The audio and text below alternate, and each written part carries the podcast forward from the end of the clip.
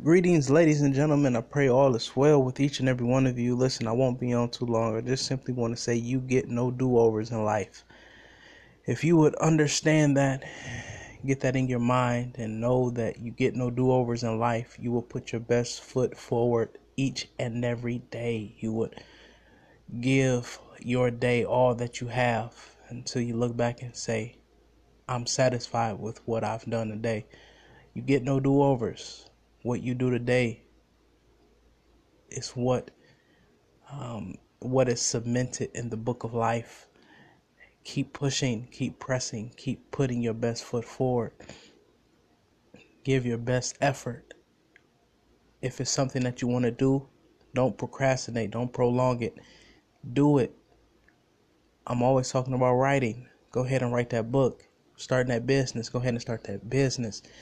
If you have uh, um, ideas and dreams of creating uh, a band, a brand, or a, a movie, or whatever it is, just just do it because you get no do overs. And if you don't put your best foot forward today, it will not get done. And you don't want to become a woulda, shoulda, coulda type of person when you look back over your life in the next 10, 15 years. You don't want to look back and say, ah, I had the opportunity to do something impactful. I had something, I had an opportunity to do something that I really wanted to do, um, but you missed the opportunity. You didn't seize the day, carpe diem, seize the day. Um, and and you will have those regrets and those um, those those those those things that will forever haunt you.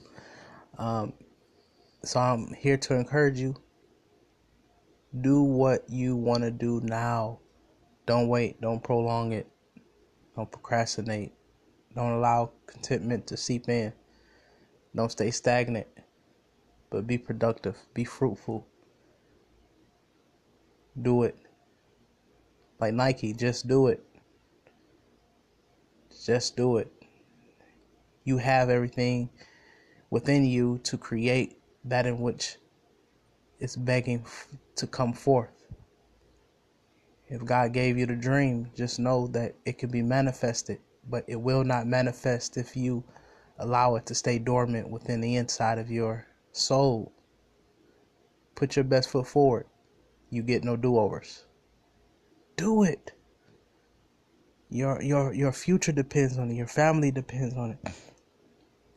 Your bank account depends on it. Listen, you need to go ahead and do what it is you need to do in order for you to live your most fulfilling and satisfying life.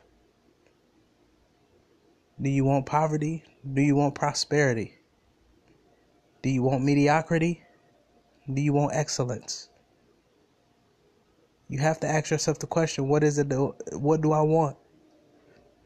Do I want to be forever remembered in the book of life by many people, or do I want to just live and die and have a an empty life? Whichever decision you des- decide to choose, if it's okay with you, it's okay with me. If you like it, I love it. But I also want to put the challenge out there,